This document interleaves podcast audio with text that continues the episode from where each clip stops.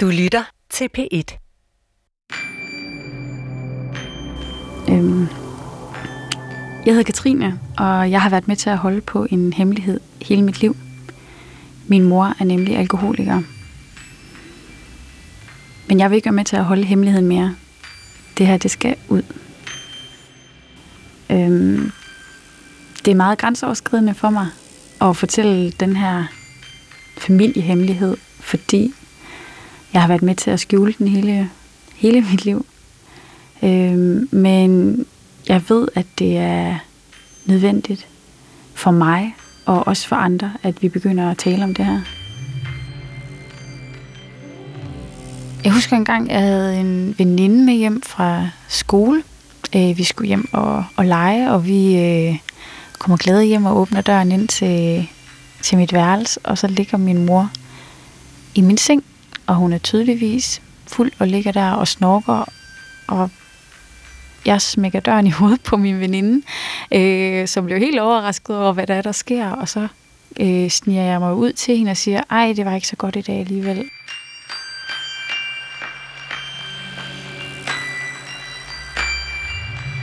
Det er så privat og personligt, og det er også bare noget, jeg har været vant til at, at skjule. Øhm, så det strider imod alt, hvad jeg har været vant til.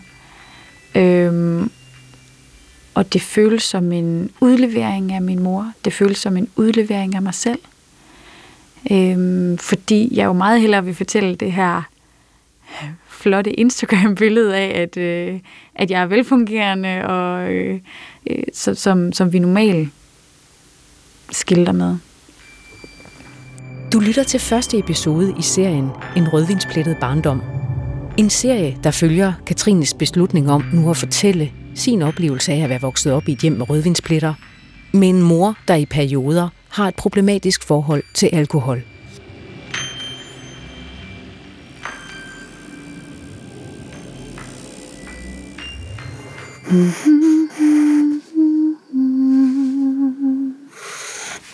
Jeg har i en del år øh, tegnet og brugt det som en måde ligesom at få afløb for de her tanker. Øhm, og ja, først har det jo egentlig bare været det her terapeutiske formål, kan man sige, men, men øh, lige stille så fandt jeg ud af, at de her billeder, de godt kunne bruges til noget af andre.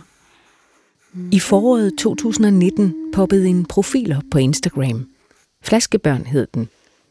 Her var der en, der delte tegninger, helt enkle og lette at afkode, et barn i en vinflaske, der kæmper for at få luft. Et barn, der krøller sig sammen i et hjørne med en kort tekst. Når du drikker, mor, så forsvinder du. Samtidig med, at du fylder alt for meget.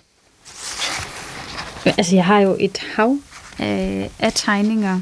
Det er som oftest en eller anden tanke, jeg får, eller en besked, jeg har fået fra nogen, øhm, som, som bliver til en tegning. Måske de er i en af de andre. Øh, I starten, der var, var det jo anonymt, fordi jeg øh, ikke havde lyst til at stå frem med øh, mit navn. Øh, så, så det gik nogle måneder, hvor der ikke var nogen, der vidste, hvem jeg var, og der fik jeg faktisk rigtig mange beskeder fra folk, der gerne ville vide, hvem der mund stod bag øh, her. Og så i sommeren 2019 postede Katrine en tegning af en pige, der kravler ud af et skab. Efterfulgt af et foto af hende selv, smilende med brunt hår og brune øjne, siddende med en tus, som om hun tegner sig selv frem. Der stod, Hej, mit navn er Katrine Kvorning, og jeg er barn af en alkoholiker. Jeg vil gerne have, at vi taler højt om alkoholmisbrug. Så hvis jeg ikke selv kunne stå frem med min identitet, så synes jeg ikke, det hang sammen. Og derfor så besluttede jeg mig øh, for at, at lægge navn til. Det var meget grænseoverskridende. Jeg gjorde mig mange, mange tanker inden. Katrine Kvorning er 32 år, og hun bor sammen med sin kæreste og søn på fire år. Hun er uddannet gymnasielærer og har i flere år undervist i dansk og psykologi. I psykologiundervisningen har jeg jo ofte stået og undervist i omsorgssvigt og øh, børns reaktioner øh, på svigt, øh, og blandt andet også alkoholmisbrug. Og jeg kan huske at bare stå der og tænke, når vi havde arbejdet med en case, og tænkte jeg, det der, det er jo faktisk mig. og så alligevel køre den professionelle bane, og aldrig nogensinde lade nogen se noget som helst. Og det er selvfølgelig også mit arbejde, øh, men det føles bare helt vildt at stå deroppe og, og fortælle teoretisk om øh, psykologi og, og diverse teorier, og så vide inde i sig selv, at det der, det er faktisk mig. Og at i den her klasse, der sidder der også to-tre stykker, statistisk set, der har samme problem. Og vi har ikke fundet hinanden.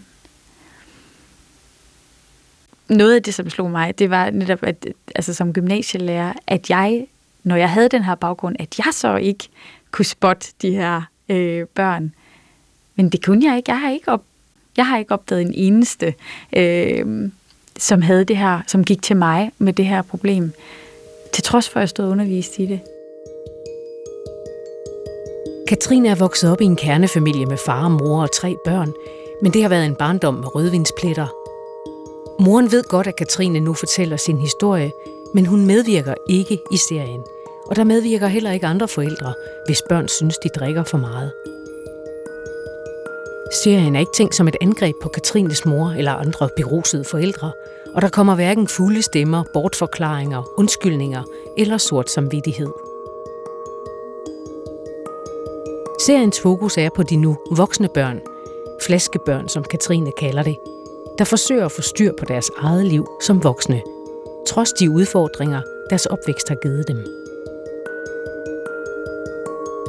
Øhm, min, min mors misbrug, da jeg var barn og, og som ung, det har, altså det kom jo snigende og, og voksede øh, stort hen over en længere årrække.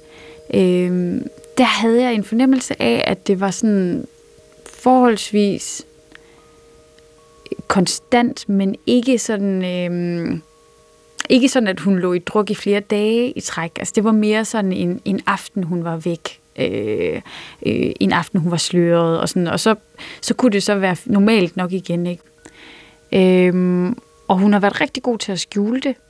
Øh, så, så det er svært for mig at sige helt præcis, hvor meget hun har drukket. Øh, og, men som jeg husker det, så har det været forholdsvis stabilt. Altså, at det, det har ikke været øh, voldsomt i perioder, og så perioder, hvor det slet ikke var. Det var mere sådan fast nogle gange om, om ugen måske, at, øh, at hun var sløret. Øh, eller, eller sov på sofaen. Øh, øh, hvor det så senere øh, er eskaleret mere. Øh, der har så også været, for eksempel, jeg husker øh, sommerferier, hvor der måske har været mulighed for at give lidt mere gas øh, på det, og simpelthen sommerferie, hvor der har været mulighed for at, at drikke noget mere, øh, fordi hun jo ikke havde det her arbejde øh, og skulle passe. Øh,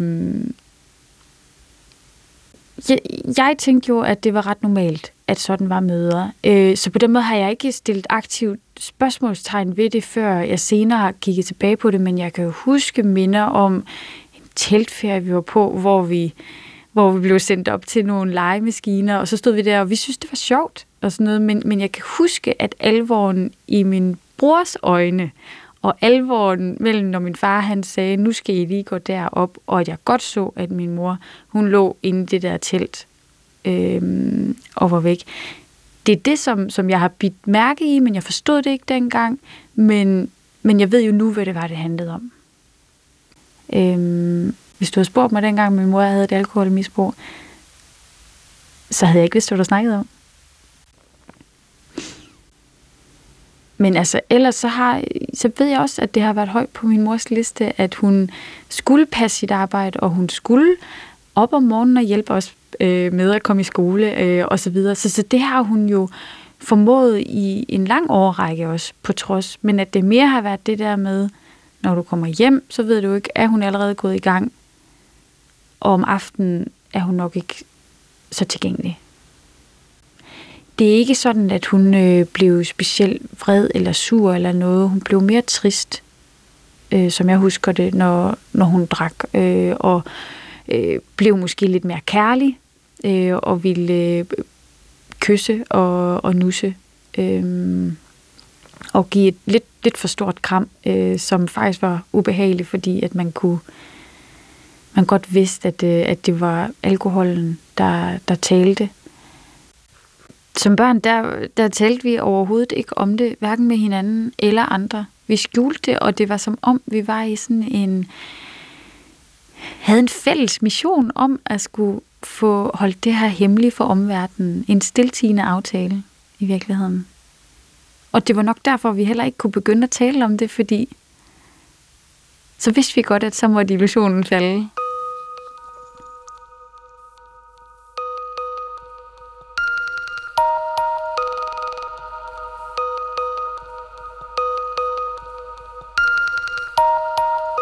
Jeg tænkte, at når jeg var med til at holde hemmeligheden skjult for alle andre, så tænkte jeg, at jeg hjalp min mor dengang. Men det var helt forkert. Det var ikke at hjælpe min mor. Hvis jeg skulle hjælpe min mor, så skulle jeg have sagt det, for så kunne hele familien have fået hjælp. Det kan jeg desværre først se i dag.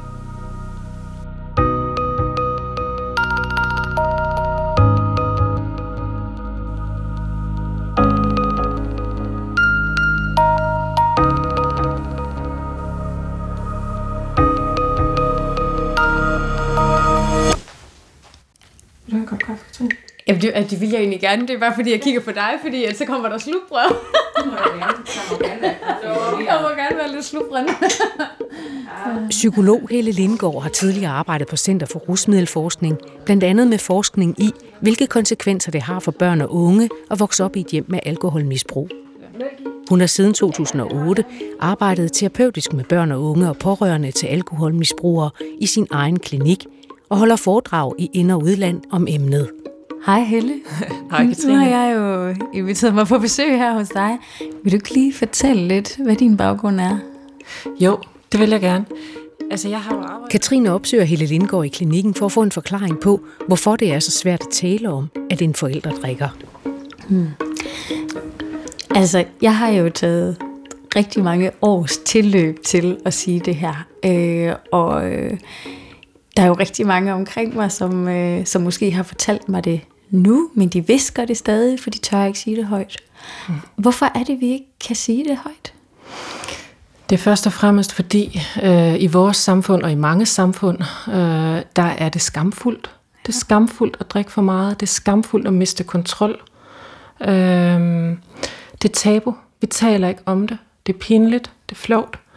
Øhm, og dybest set tror jeg, det er urgammelt, altså noget, der ligger helt tilbage i vores øh, tid på savannen, at hvis man gør noget, hvor man ikke passer ind i flokken, gør noget, der måske faktisk gør det lidt farligt for flokken, fordi man mister kontrol, så bliver man udelukket af fællesskabet. Mm. Og jeg, jeg, jeg tænker, det er sådan dybest set sådan noget, der foregår. Ja. Det er skamfuldt, det er tabuiseret. Vi taler ikke om det. Derfor bliver det også svært at sige det højt, mm. når man har det problem det er, er pinligt. Ja. Flot. Der ja, og du hører heller ikke andre snakke om det jo. Nej. nej, det gør man ikke. Der er simpelthen ting, vi ikke taler om, øh, og som vi ikke indrømmer. Ja. Øhm, min mor, hun var ikke, øh, hun er ikke super glad for, at jeg fortæller det her øh, nu, og jeg har tit skulle svare på det her spørgsmål med også, hvad så med min mor nu, og mm. om jeg ikke er bange for, hvad der så sker. Ja. Øhm, og jeg jeg er jo kommet frem til, at jeg tænker, at jeg skal sige det alligevel. Øh, men jeg synes, jeg synes stadigvæk, at det er rigtig, rigtig svært. Det ja. her med, hvem der har ret til at fortælle historien ja. øh, om sin barndom. Øh, det, der er vigtigt, er jo, at der ikke er én sandhed og én historie. Alle har hver sin sandhed og hver sin historie. Øhm, du har din, og din mor har sin. I har også en fælles. Det, der bliver vigtigt i forhold til øhm, hvorfor du skal fortælle din historie nu som voksen, det er, at der er faktisk en del af dig, som du ikke må sige højt, som du ikke må vise, som du ikke må være, som er knyttet til din mors historie. Øh, problemet er, at der er faktisk noget af dig, der ikke får plads. Noget af dig som menneske, helt essentielt som menneske, der ikke kan få plads, hvis du ikke må sige det her.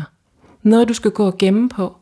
Og til det der, den del af dig, som du skal gå og gemme på, der er ikke bare, hvem du er, men der er også en række følelser, som du så ikke må udtrykke. Du må heller ikke arbejde med det, der er svært for dig, for du kan ikke komme til det.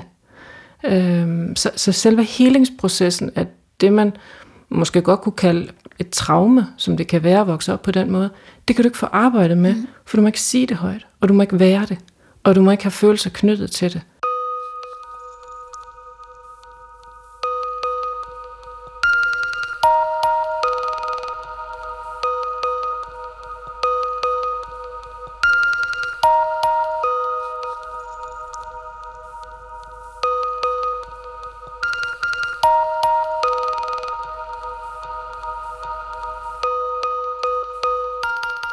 Katrine er langt fra det eneste barn med en drikkende forældre. Sundhedsstyrelsen anslår, at 122.000 børn under 18 år vokser op i hjem, hvor den ene eller begge forældre har et problematisk indtag af alkohol. Det svarer til 10 procent og til cirka to elever i hver skoleklasse. Tallet kan være højere. De fleste familier holder det hemmeligt, og rigtig mange nægter, at de drikker og afviser, at de har et problem. For at forstå og kunne beskrive, hvordan det opleves at vokse op i et hjem med et problematisk alkoholforbrug, har vi i redaktionen talt med og skrevet med en række voksne børn alkoholikere i 20'erne og 30'erne. Deres beretninger er omskrevet og indtalt, både for at skåne de unge selv og for at undgå at hænge deres forældre ud. Den stemme, du skal høre nu, fortæller altså en bearbejdet beretning fra en 33-årig kvinde. Lige så meget som jeg elsker ham, fordi han er min far, Lige så meget hader jeg ham for det omsorgsvigt, han har udsat mig for.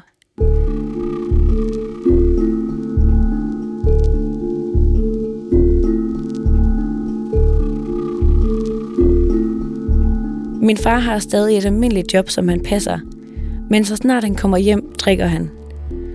Det samme sker i weekender eller til sociale arrangementer. Derfor bruger jeg ordet deltidsalkoholiker. Heldigvis har jeg haft min mor som primær forælder, siden jeg var tre år, hvor mine forældre blev skilt. Hun vidste ikke, at han drak, når jeg var på besøg hos ham, for det havde han jo lovet hende, at han ikke ville gøre. Min farmor og farfar vidste godt, hvad der foregik, men vi talte aldrig om det. Dem har jeg tit ringet til om natten, når jeg vågnede og pludselig var alene hjemme. Først i en alder af cirka 11 år gjorde jeg min mor opmærksom på det. Hun konfronterede blandt andet min farmor, som sagde, så længe han ikke sidder nede på bænken, så er han jo ikke alkoholiker. Pædagogerne på fritidshjemmet så ham tit hente mig fuld.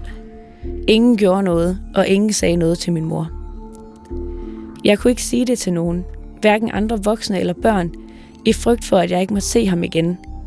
Det er et dilemma, et barn slet ikke skal forholde sig til.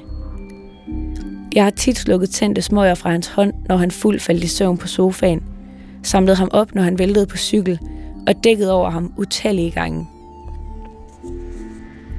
Jeg husker tydeligt en gang, han væltede med sin cykel. Han kunne ikke rejse sig op igen, og der gik mange folk forbi. Ikke en eneste hjælp. Det er først som voksen, jeg tænker, hvad sker der? Hvorfor er der ikke nogen, der kan se, at der står en lille pige på 6 år med en far, der lå nede på jorden, og der var ikke nogen, der hjalp? Derudover har jeg stadig en frygt for, om min far drikker sig fuld til f.eks. familiefødselsdage. Frygten ligger stadig dybt i mig, for jeg synes stadig, det er vanvittigt pinligt.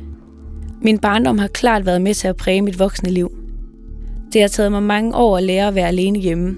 Jeg har været bange for at blive forladt. Der er mange, der har det meget værre end mig, det ved jeg godt. Men uanset stort eller småt svigt, skal ingen børn føle sig alene i verden. For det gjorde jeg, og det gør ondt.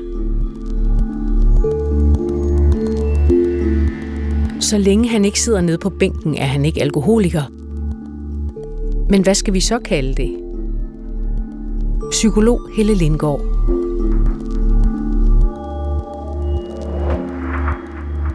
Når vi netop skal tænke det familieorienteret og relationelt, så er definitionen på, hvornår har du et alkoholproblem, det er, når det går ud over for eksempel dine relationer.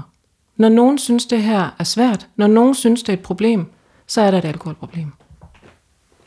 Det handler ikke om genstande, det handler ikke om leverskader, øh, det handler ikke om særlige kræftlidelser.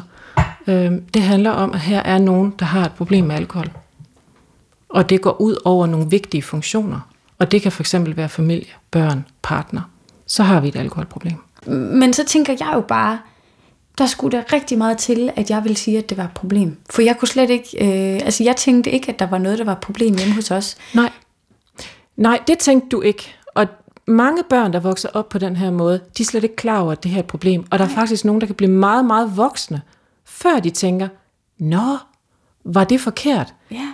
Var det for meget? Var det alkoholen, der ja. gjorde, at min familie var anderledes? Er det overhovedet?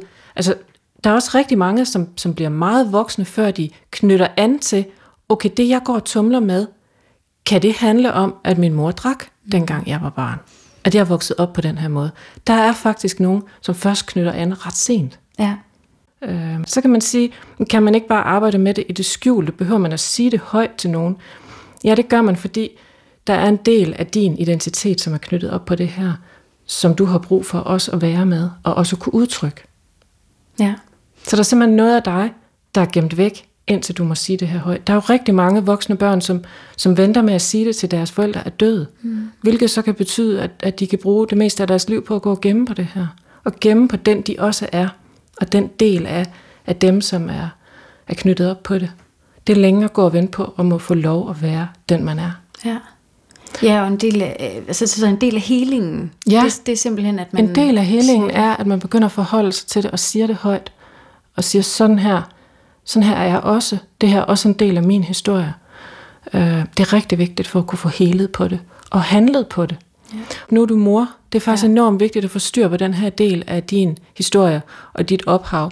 Det er rigtig, rigtig vigtigt i forhold til at kunne begynde at være mor på den helt rigtige måde. Der er det faktisk vigtigt at få helet de her ting.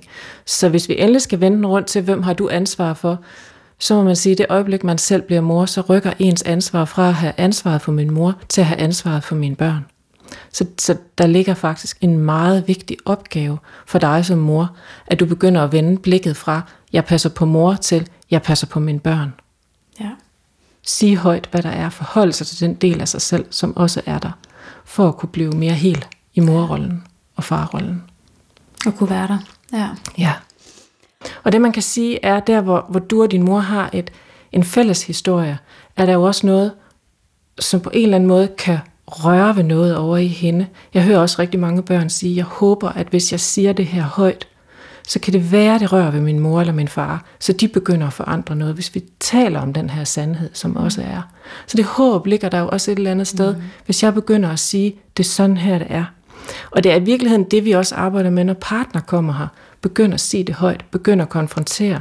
Det er det her, der er sandheden. Ja. Fordi det, der sker i hjernerne på dem, der drikker, er, at de mister kontakt med sandheden. De mister kontakt med, hvad der i virkeligheden er rigtigt og forkert.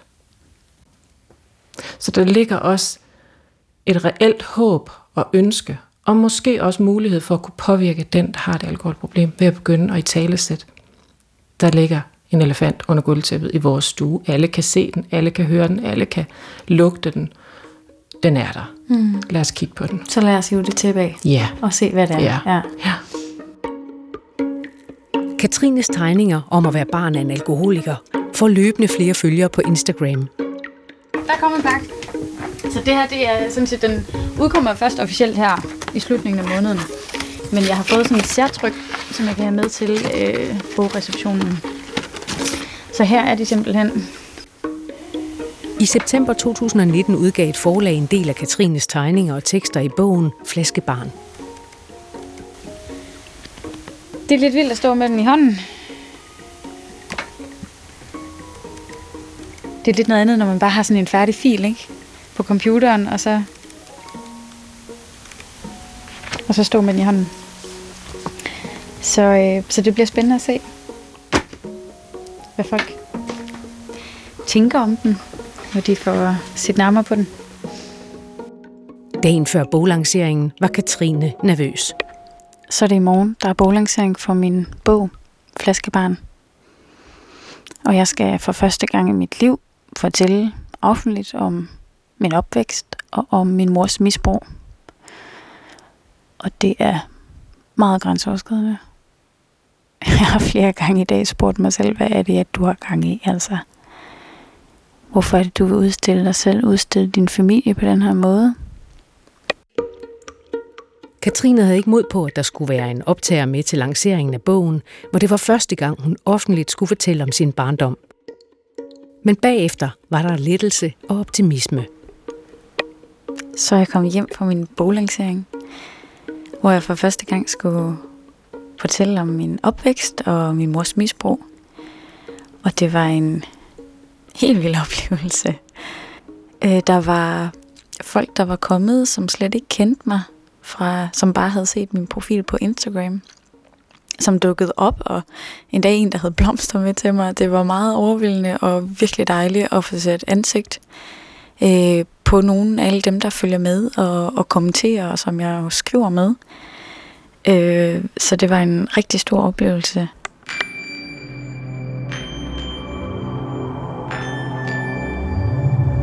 Du har lyttet til første episode i serien En rødvinsplettet barndom med Katrine Kvorning, der efter mange års stillhed som 32-årig har valgt at fortælle sin families hemmelighed.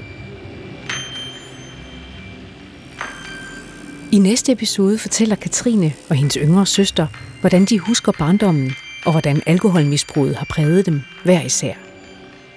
Grunden til, at jeg blev så vred, var egentlig, fordi jeg kunne se, hvad alt det, det gjorde hos dig. Mm. Altså, at det påvirkede så meget dig og vores familie internt, at jeg kunne ikke... Det ville jeg bare ikke acceptere. Mm. Den der vrede, den kunne jeg slet ikke. Jeg skulle i stedet for være den søde og den artige, øh, der ligesom gav olie på vandene.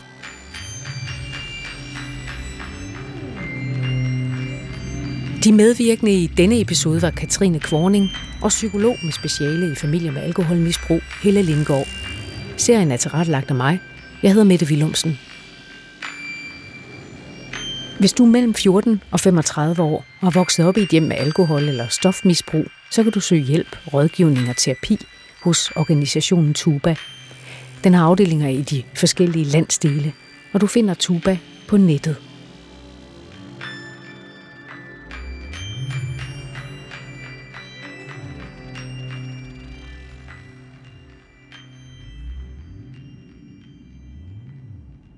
Du kan høre flere P1-podcasts i DR's radio-app.